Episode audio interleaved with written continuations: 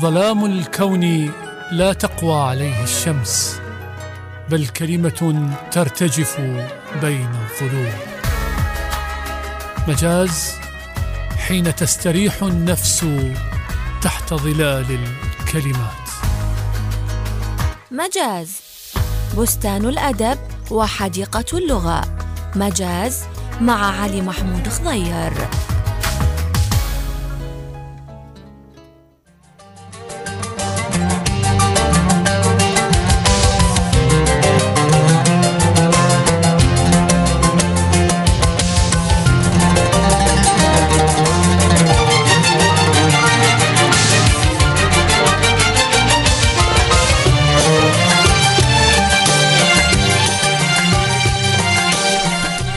أطيب تحية وأجمل سلام على المستمعين الكرام جميعا. حلقة جديدة من برنامج مجاز من راديو تايمز سكوير.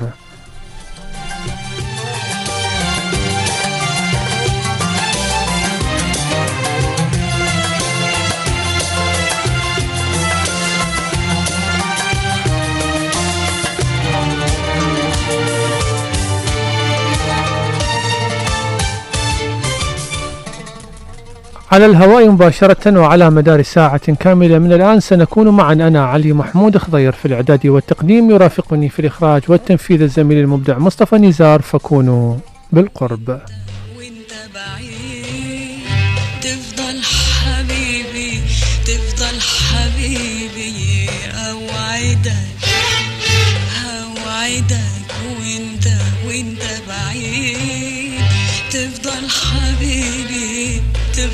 حبيبي أوعدك دايما فاكراك أوعدك ولا يوم انساك أوعدك دايما فاكراك أوعدك ولا يوم انساك أوعدك يا حبيبي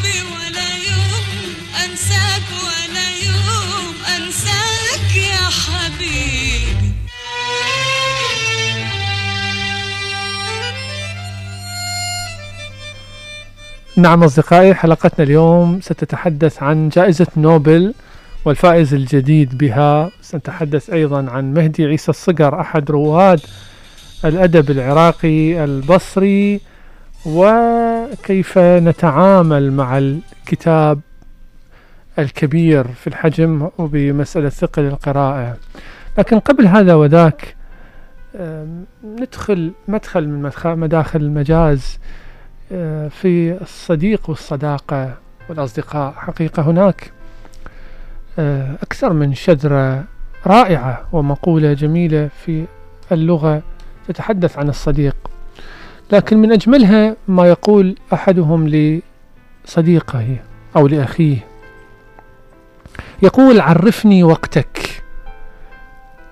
أوافقك خاليا. لا تزاحمني الألسن فيه على محادثتك ولا الأعين على النظر إليك لأقضي حق المودة وآخذ بثأر الشوق.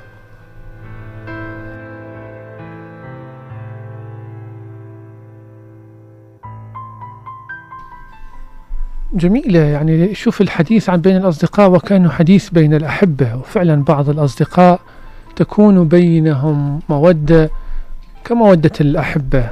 وعلى ذكر المودة يقول الحسن البصري لا تشتري مودة ألف بعداوة واحد.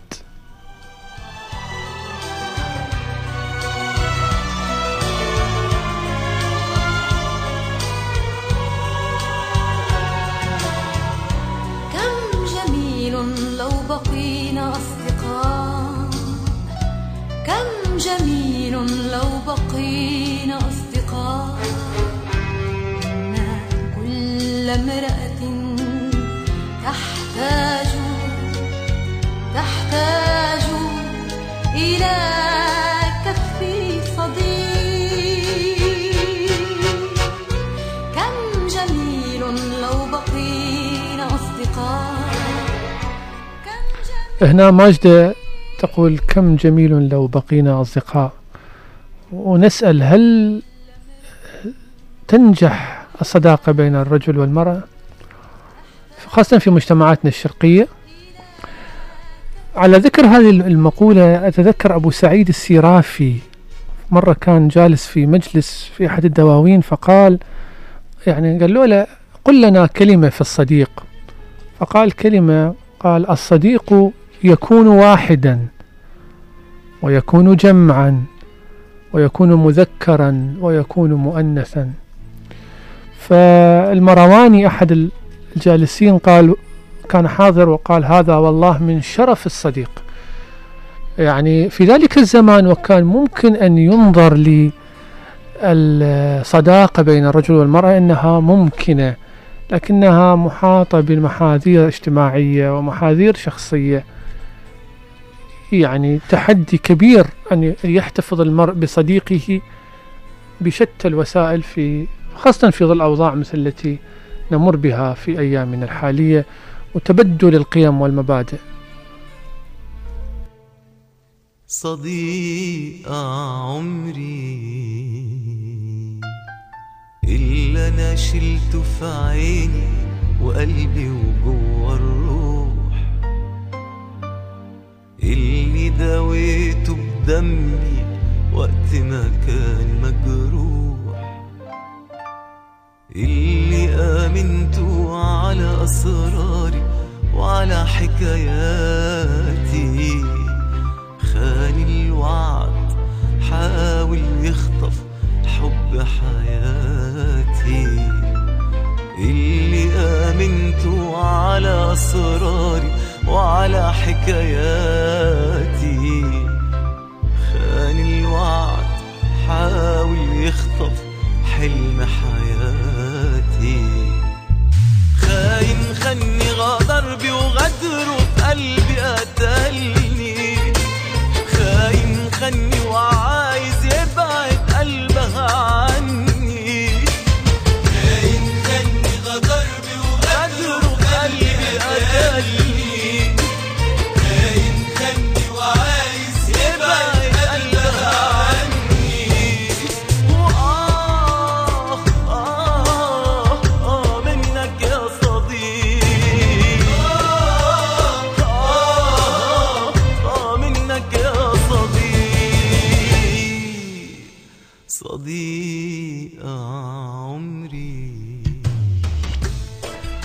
ومن الصديق إلى نوبل ونوبل صديقة الأدباء أيضا.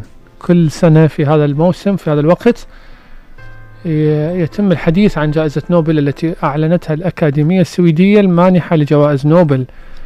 حيث فاز مؤخرا أو في أحدث نسخة من الجائزة التنزاني عبد الرزاق جورنة أو عبد الرزاق قرنح للي يلفظها بالعربي أو يلفظها بالترجمة الإنجليزية باعتبار أن الرجل أصوله عربية من اليمن. وجائزة نوبل كالعادة عندنا آه، مثار جدل كبير ودائما الجدل يكون عندنا عربيا على أشياء هامشية ليست على أشياء مركزية. يعني مكان ما نتدارس خصوصية هذا الكاتب لماذا فاز بالجائزة خصوصية أدبه. ظلوا الأدباء يتناقلون أخبار عن أنه هل هو فعلا أصوله عربية؟ وماذا يعني ذلك؟ وهل هو أفريقي أم يمني؟ وإحنا مجهول بالنسبة لنا وهل يستحق؟ وهنا نوبل تعود إلى أفريقيا وبالتالي خلص خلصت من تهمة العنصرية. كل هذا الحديث هو حديث جانبي. مسألة أنه نوبل ما تعطيها لأفريقيا ونوبل ما تعطيها لأصول عربية أو لكاتب عربي إلى آخره إلى آخره. حديث جانبي بقدر ما الحديث الأهم أنه نحن أمام كاتب آه، يكتب عن اللاجئين عن القضايا التي آه، تبرز في المجتمع من قضية الاستعمار وقضية الهجرة وقضية اللاجئين وهي موضوعة مهمة جدا وموضوعة إحنا جاي نلمس تأثيراتها في زماننا الحالي على شكل كبير وصعيد كبير حقيقة. نروح إلى تقرير بصوت شهلة محمد. نتحدث به عن فوز عبد الرزاق هذا بجائزة نوبل. نسمع وراجعين في مجاز.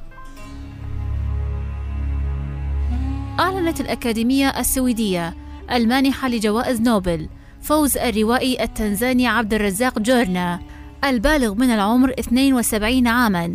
بجائزة نوبل للأدب لعام 2021 عن تبحره الثاقب والحساس في آثار الاستعمار ومصير اللاجئين في كتاباته. وأشارت الأكاديمية إلى تفانيه من أجل الحقيقة ولفتت إلى أن رواياته تثور على الأوصاف النمطية وتفتح الأعين على شرق أفريقيا المتنوع ثقافيا وغير المألوف للكثيرين في مناطق أخرى من العالم. وأوضحت لجنة التحكيم أن المؤلف نشر نحو عشرة كتب منذ عام 1987 فضلا عن العديد من القصص القصيرة. وتشكل رواية الجنة أشهر مؤلفاته. ومنح الجائزة نظرا إلى سرده المتعاطف الذي يخلو من أي مساوئ لآثار الاستعمار ومصير اللاجئين العالقين بين الثقافات والقارات.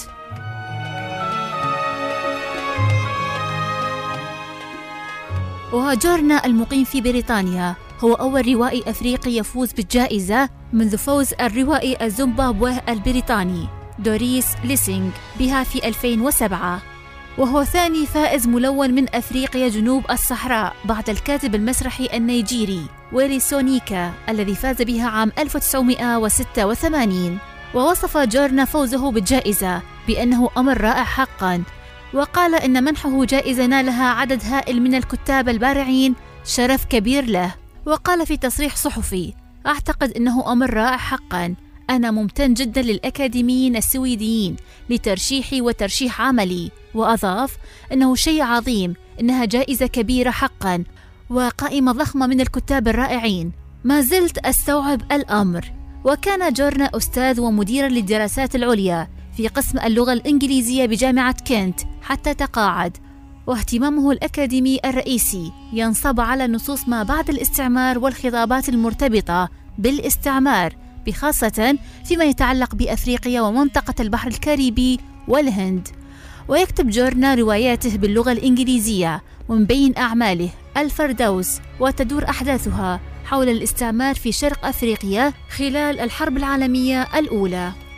ولد جورنا في جزيرة زنجبار عام 1948 ولكن بعد انتهاء حقبة الحكم البريطاني في عام 1963 واجه اضطهاد بسبب عرقه العربي فاضطر إلى الفرار وانتهى به الحال لاجئا في بريطانيا أواخر الستينيات وهو يعيش في بريطانيا منذ ذلك الحين وكان يعمل بالتدريس في جامعة كنت حتى تقاعد وكتبت الجامعة على موقع تويتر إننا سعداء للغاية لأن محاضرنا السابق عبد الرزاق جورنا حصل على جائزة نوبل في الأدب. إنه لأمر ملهم حقا.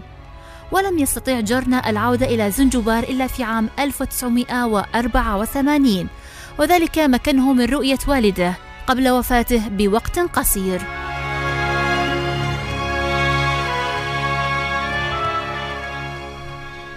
طبعا جائزة نوبل تولد بخلاف قيمتها المالية والمكانة الأدبية اهتمام كبير بالفائز يحفز مبيعات الكتب ويفتح المجال للفائزين غير المعروفين أمام جمهور واسع على المستوى الدولي.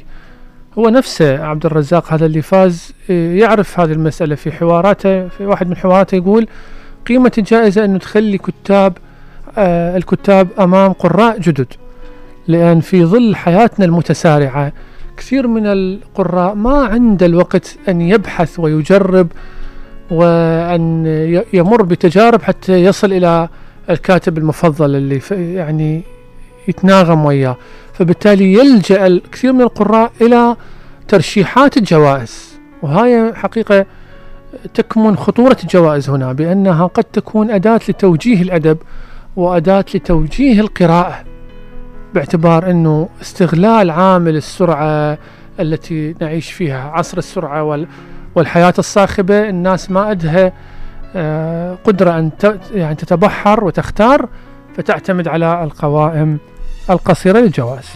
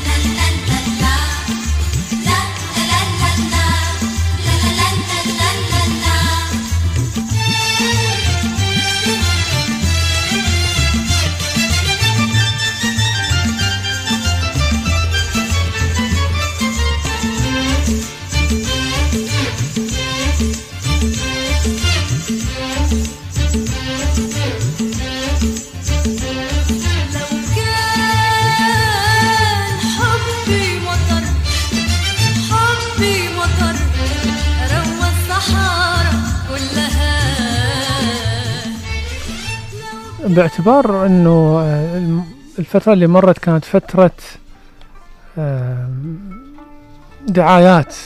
على مختلف الدعايات. وإحنا في حياتنا الدعاية تخو يعني تأخذ مجال واسع وإلها معنى ثقافي عميق يدل على العصر الذي أو سمات العصر اللي إحنا نعيشه. من الدعاية الانتخابية إلى الإعلانات إعلانات عن البضائع إعلانات عن المحلات ال- الاتصالات وهكذا وهكذا. يختصرها ال- الناس أحيانا بمصطلحات مثل التلميع أو مثل التطبيل أو مثل التشجيع أو الإعلان إذا نريد يعني نتخفف قليلا. لكن آه هذه السمة حقيقة هي اختبار لشخصية الإنسان. في هل أنه ينساق إلى القوة قوة التأثير قوة تأثير الدعاية قوة تأثير الإعلان قوة تأثير سطوة ال- الشخص المصدر للإعلان. لأن دائما هؤلاء الذين يلجؤون إلى الدعاية أو الذين يحتاجون إلى التطبيل آه، تكون عندهم سلطة. فبالتالي آه، يتساءل المرء هل لماذا المثقف يحتاج أن يرتبط بقوة ما؟ هسه هاي قوة سياسية قوة آه، اجتماعية قوة حزبية أي قوة أو سلطة مثلا. علاقة المثقف مع سلطة علاقة عجيبة ولهذا آه، من الممكن دائما أن المثقف يحافظ على آه، موقعه أو يحافظ على احترامه بأن يلتزم منطقة وسطى. لا يميل كل الميل إلى جهة ولا يسحب نفسه حتى يصبح بلا تأثير. أنا أتذكر في هذا الحديث آه، حكاية عجيبة لأبو نؤاس الشاعر البصراوي على فكرة يعني آه، رغم أنه معروف أنه في بغداد. هذا كان مقرب للمأمون خليفة العباسي لكن قربه للمأمون ما كان يخليه يعني أنه دائما على على وفاق وياه. يعني من القصص اللطيفة يقال أنه الخليفة العباسي المأمون في اليوم يعني هو كان يعجبه أنه يقرأ شعر بين فترة وفترة يألف قصايد وكذا. فبالمجلس قرأ قصيدة وطبعا كل الحاضرين أثنوا على القصيدة. خليفة بعد يعني شلون هسه إحنا عندنا رئيس الوزراء ويقرأ قصيدة شو تقول له يعني؟ قصيدتك مو زينة؟ هسه مدير إيه مصطفى يقول المدير دا يقرأ ما تقدر تقول له زين. فالخليفة آه، قرأ القصيدة شو شاف؟ كلها كلها يعني تمدح أبو نواس قاعد ساكت. قال له يابا شنو رأيك بالقصيدة؟ قال له والله يا مولاي لا أشم فيها رائحة البلاغة. شنو حكاية قوية هاي. يعني رزله يقول له هاي ما أشوف بها أي بلاغة يعني. ما أشم بها ريحة البلاغة. طبعا المأمون غضب غضب كبير وأمر بحبسه وما حبسه بسجن عادي حبسه باسطبل حتى يحاول أن يهينه.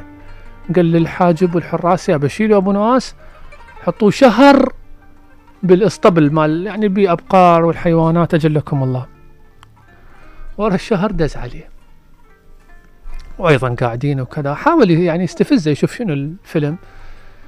فقال لهم ورا ما يعني سأل عن أحوال العامة قال لهم يابا أنا عندي قصيدة البارحة كتبت قصيدة جديدة. قالوا أي مولاي سمعنا قرأ المأمون قصيدته كمل القصيدة. كلها تهلل واه أحسنت مولاي لا فضفوك من هالكلام الحلو هذا أبو أبو نواس رأس شافه رأسه قام وطلع يريد يطلع من المجلس. فهذا المأمون قال له ها يا معود أبو نواس شو الموضوع؟ شو ما قلت لنا رأيك. وين رايح؟ إيش قال له؟ قال له رايح إلى الاسطبل يا مولاي خلصت صديق واقصدك خلصت صحوبتي وياك تذكر قعدنا سوا وش قد ضحكنا وياك خلصت صديق واقصدك خلصت صحوبتي وياك. تذكر قعدنا سوا وش قد ضحكنا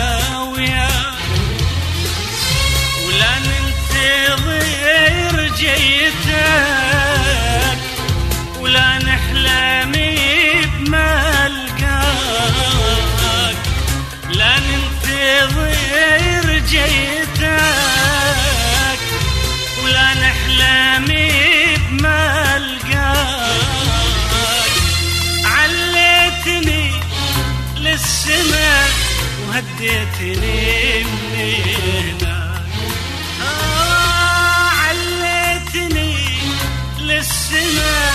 وهديتني من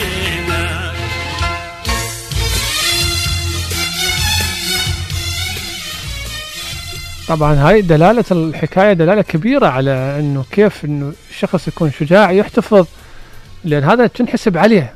مواقف ما, ما تتكرر يعني. موقف التاريخي هسه شوف إحنا برا ألف سنة نحفظ لأبو نواس هذا الموقف الشجاع.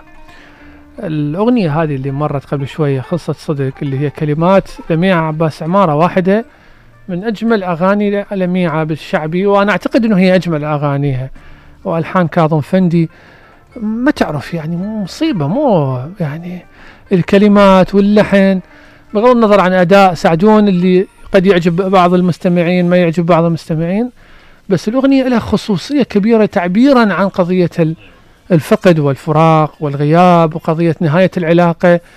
آه، اللي شبهها لميعة هذا التشبيه العظيم تقول له آه، وكأنه وصلنا بقمة مشاعرنا باندفاع العلاقة باندفاع وكأنه وصلنا إلى السماء أو وصلتني إلى السماء وهديتني من هناك.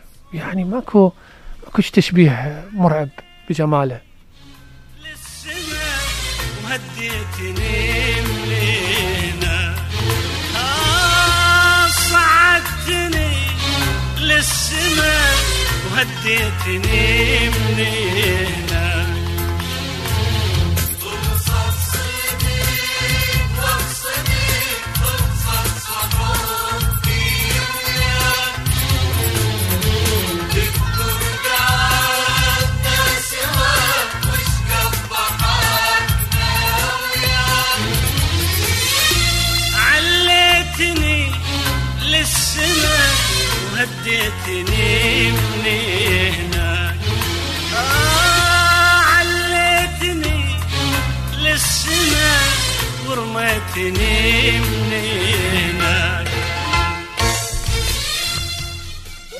الكتاب كبير الحجم.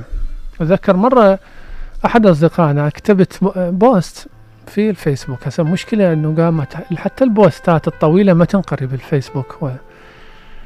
آه، فكتبت post من مقطعين أو ثلاثة ثلاث مقاطع أو أربعة هسه مو هالمشكلة.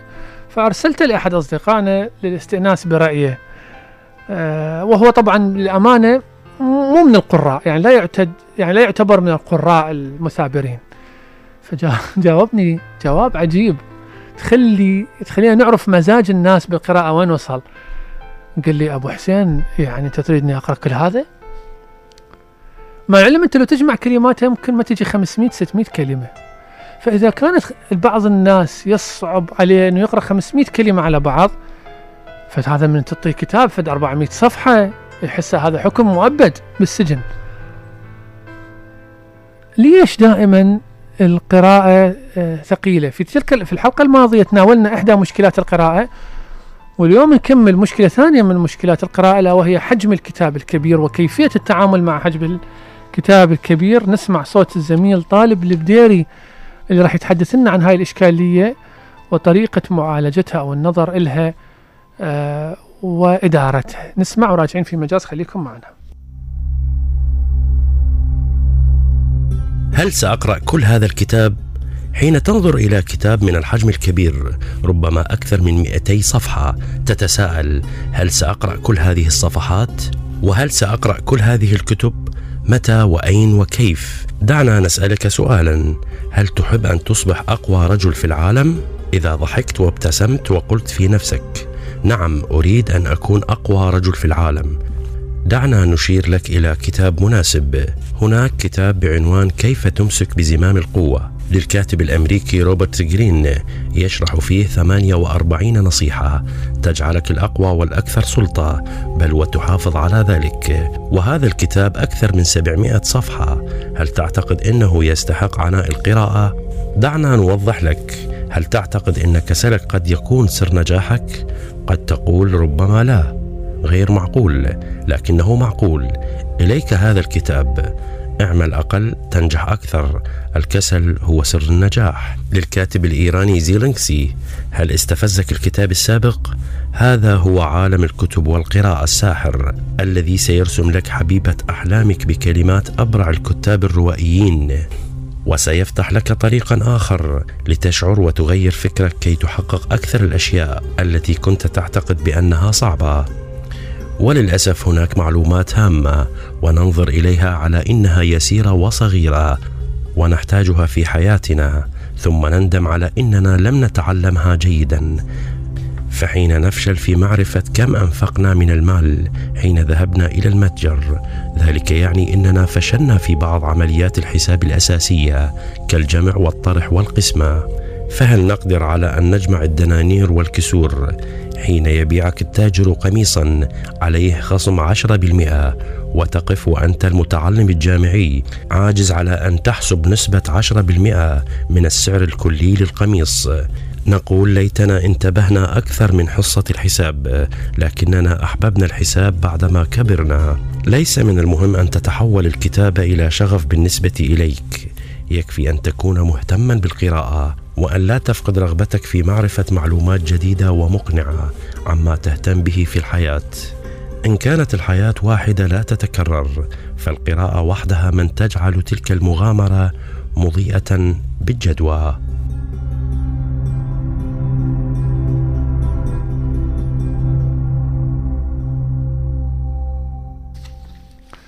كان هذا صوت الزميل طالب البديري في تعليق عن معالجة الكتاب الكبير وحجم الكتاب الكبير في القراءة. مستمرين وياكم في مجاز. خليكم ويانا. نتغرب أنا وياه حكم الليالي ما بيها لذ الآه للقلب الخالي. نتغرب أنا وياه حكم الليالي ما بيها لذ الآه للقلب خالي لي ولكن ليه سهرني هد الحال. ليلي ولكن ليه سهرني هد الحال. ما أي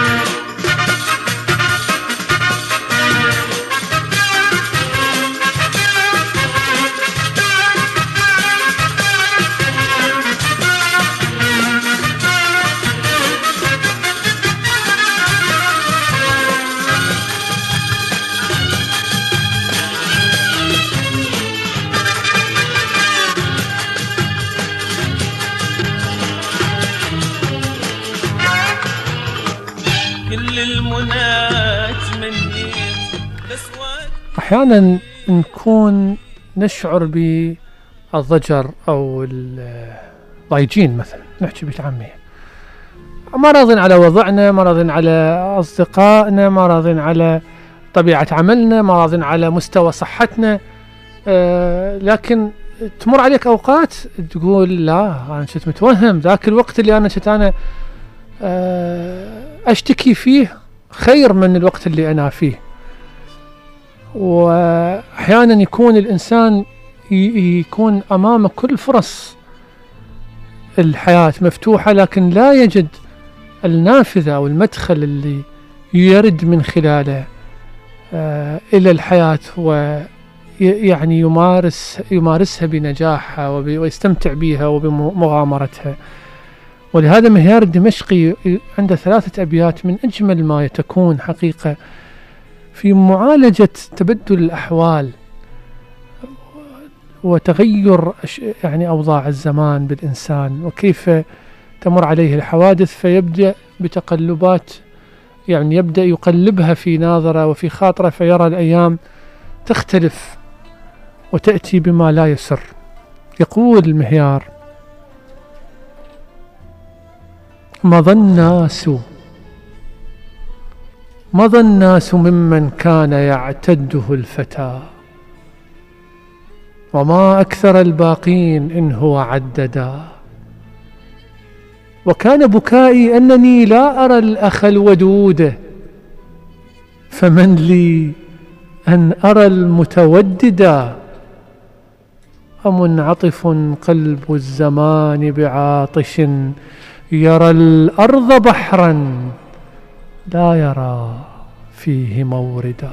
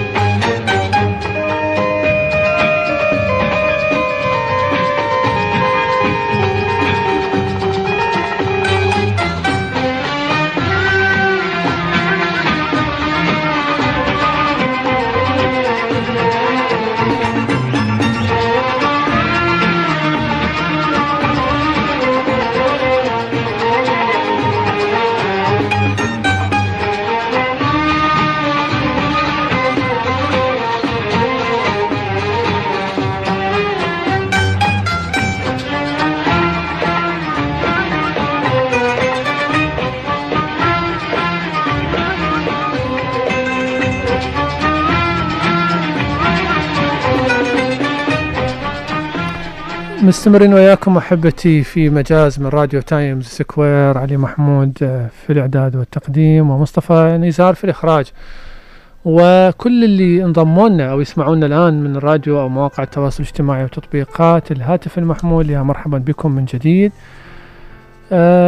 أصدقائنا ال- البصرة مليئة بالأسماء الكبيرة حقيقة من الرواد رواد الأدب. وإحنا هنا بين فترة وفترة نحاول قدر الإمكان إنه نربط الجيل الجديد من القراء بالأساتذة الكبار الذين أرسوا دعائم أدبنا العربي والعراقي والبصري حقيقة آه، آه، شكلوا نواة حقيقية للأدب منذ مطلع الأربعينيات ثم الخمسينيات وتعززت وترسخت في الستينيات. اليوم إحنا نريد نسلط الضوء على واحد من نجوم الأدب البصري.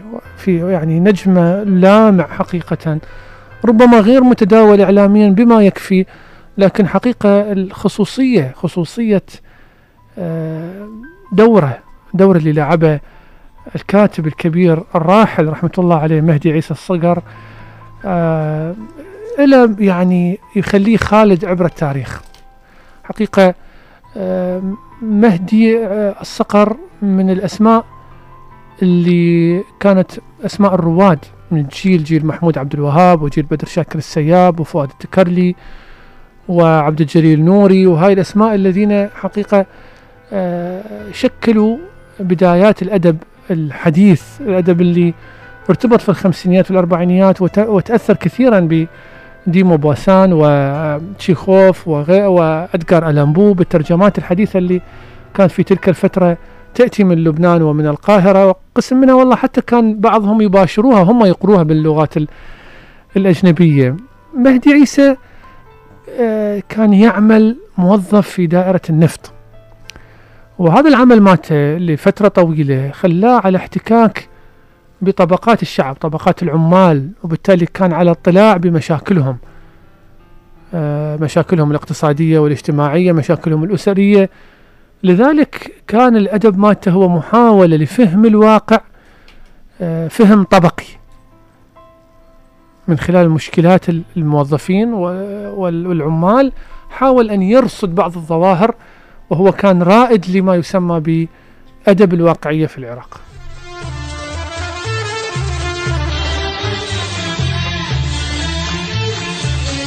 لأجل الضوء قلب النار. ضوى إلي شموع لا حس ولا أحار بس كتل دموع. لجل الضوء قلب النار ضوى يدي شموع لا حس ولا أحار بس كتل دموع. لأجل الضوء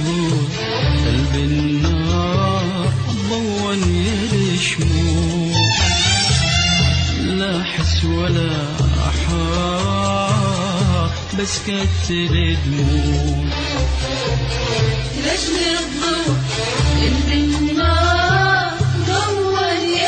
شموع لا ولا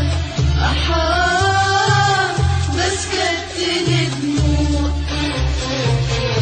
مر كم شتا وكم صيف وأنا بري جهواي ومن عادتي النهار ما تنكر الماي.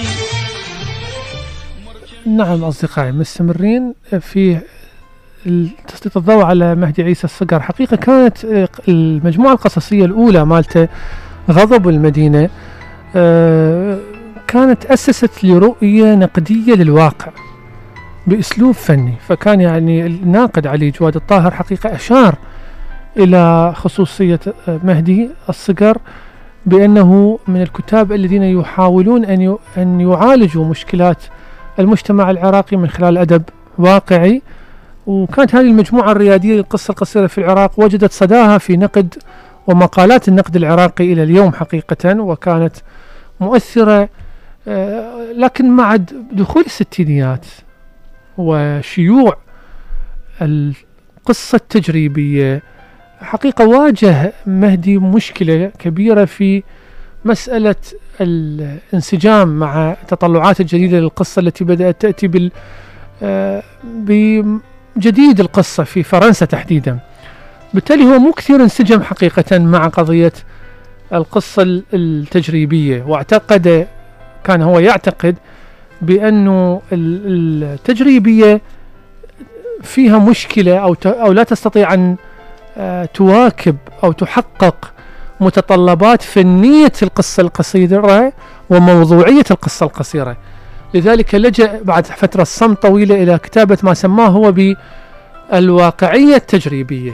ولهذا كان هو لديه القدرة على استيعاب وهضم الحركات الجديدة أدبيا وأن يقدم ما يوازي ما يوازيها ويواكبها لكن بأسلوبه الخاص. إحنا اليوم راح نسلط الضوء بقوة على واحدة من روايات المهمة ألا وهي رو- رواية الشاهدة والزنجي اللي عالج بيها آه، مهدي عيسى الصقر مسألة الاحتلال البريطاني ودوره في خلق بعض المشكلات الذين والتغيرات في طبيعة ونسيج المجتمع البصري في تلك الفترة وهي رواية حقيقة رائدة ورواية كان لها صدى كبير ولا يزال نقديا. نسمع صوت الزميلة شهلة محمد وهي تتحدث لنا عن هذه الرواية التي أعيد طبعها بالفترة الأخيرة من آه، دار المكتبة الأهلية في البصرة.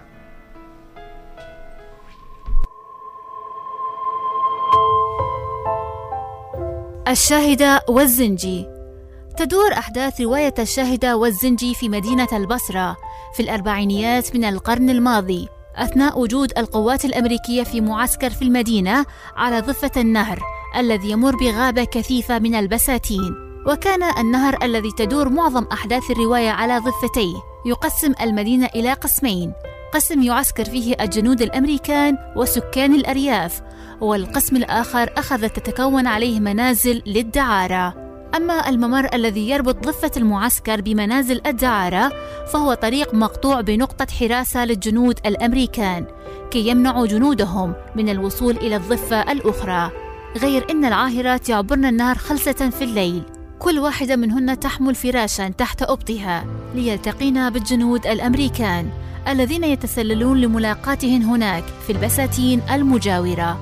من مظهر المعسكر الأمريكي والجيش ومن بين جذوع النخيل وخرير النهر الذي يهدر من مشهد البوليس المحلي والسيارات العسكرية وخفايا التحقيق وجريمة القتل تبتدئ أحداث رواية مشوقة وممتعة.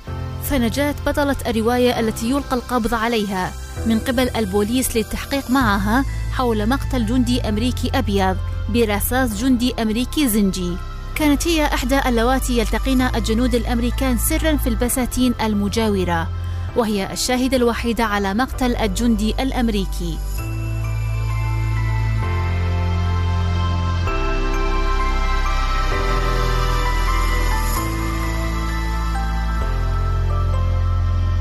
وهكذا تدور أحداث الرواية وتتشابك وتتعقد مع الحياة الاجتماعية للأرياف والمدن القريبة والجنود المحتلين والفقر والاضطهاد وعملية البغاء واللصوصية والانتهاكات والقهر الذي تمارسه القوات المحتلة إزاء القاطنين المحليين وإزاء الزنوج من الجيش الأمريكي.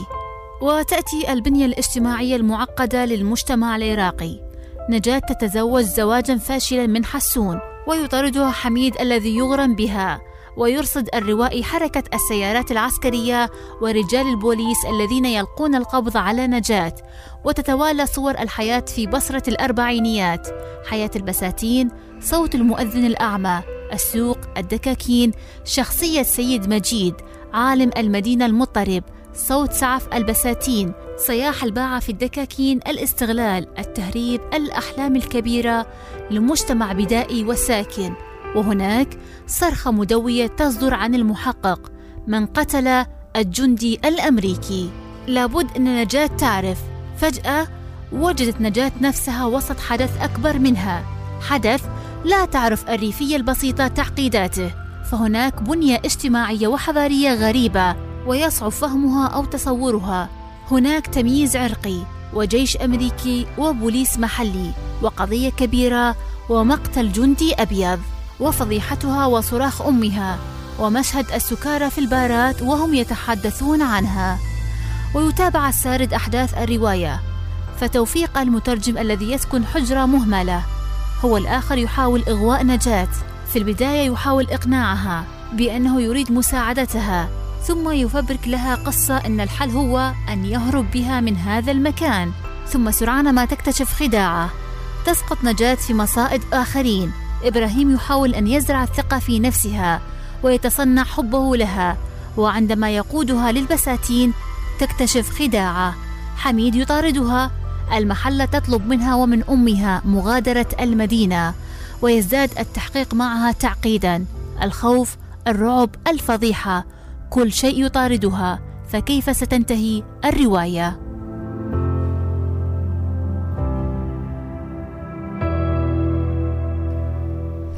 أنا أتساءل حقيقة وأنا أستمع معكم أصدقائنا أنه لماذا ما يستغل كتاب السيناريو المنتجين شركات إنتاج المسلسلات العراقية هاي القصص والروايات الرائعة اللي عندنا من الأربع هاي القصة مكتوبة بالخمسينات.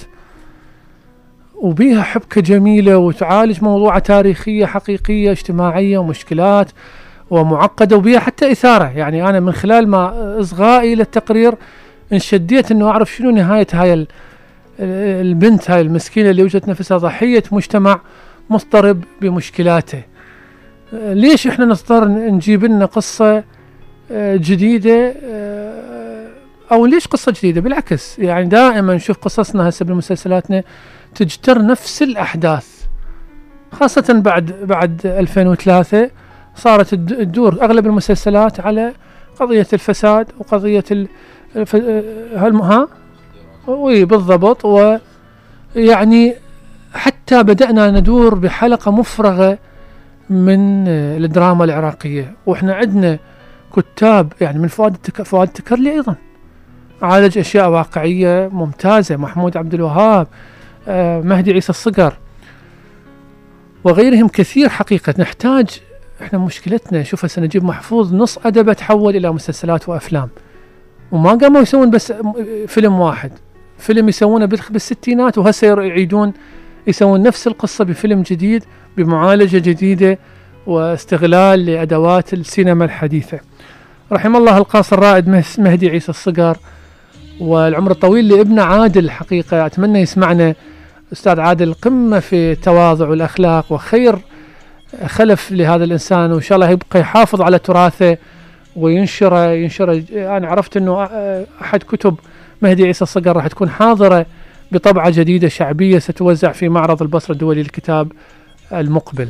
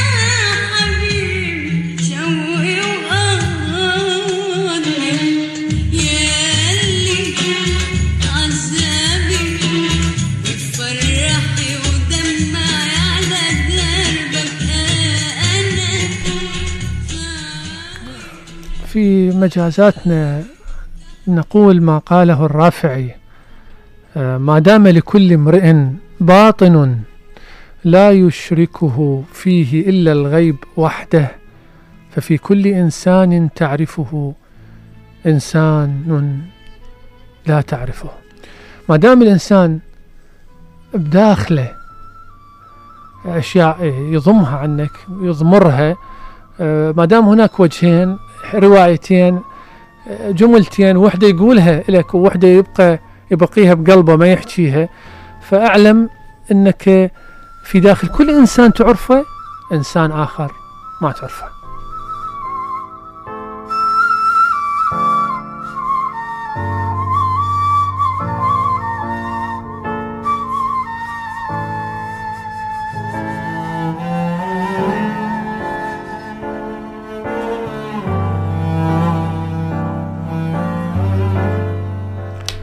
اذا نسأل شلون ممكن تع- تعرف الشخص هذا آه، وتطلع حقيقته ربما من خلال مواجهة ربما من خلال موقف من غضب من سفر آه، من غياب تكتشف حقيقة الإنسان الذي آه، المواقف الحياة هي اللي ممكن تخليك عبر التجربة تكتشف حقيقة الإنسان. ولكن أسوأ السيناريوهات أن تعيش عمرا كاملا متوهما بشخص لا تكتشف حقيقته إلى الأبد.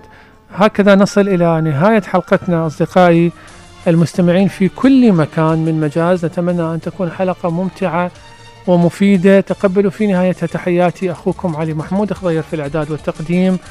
وهذه تحيات الزميل المخرج مصطفى نزار. حتى نلتقي نتمنى لكم أطيب الأوقات مع باقي برامج الإذاعة. كونوا في رعاية الله وحفظه.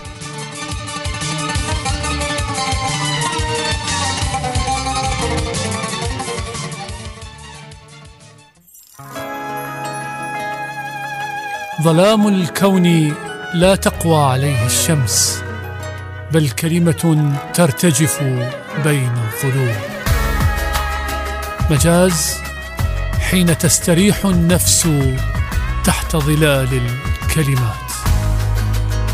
مجاز بستان الأدب وحديقة اللغة. مجاز مع علي محمود خضير.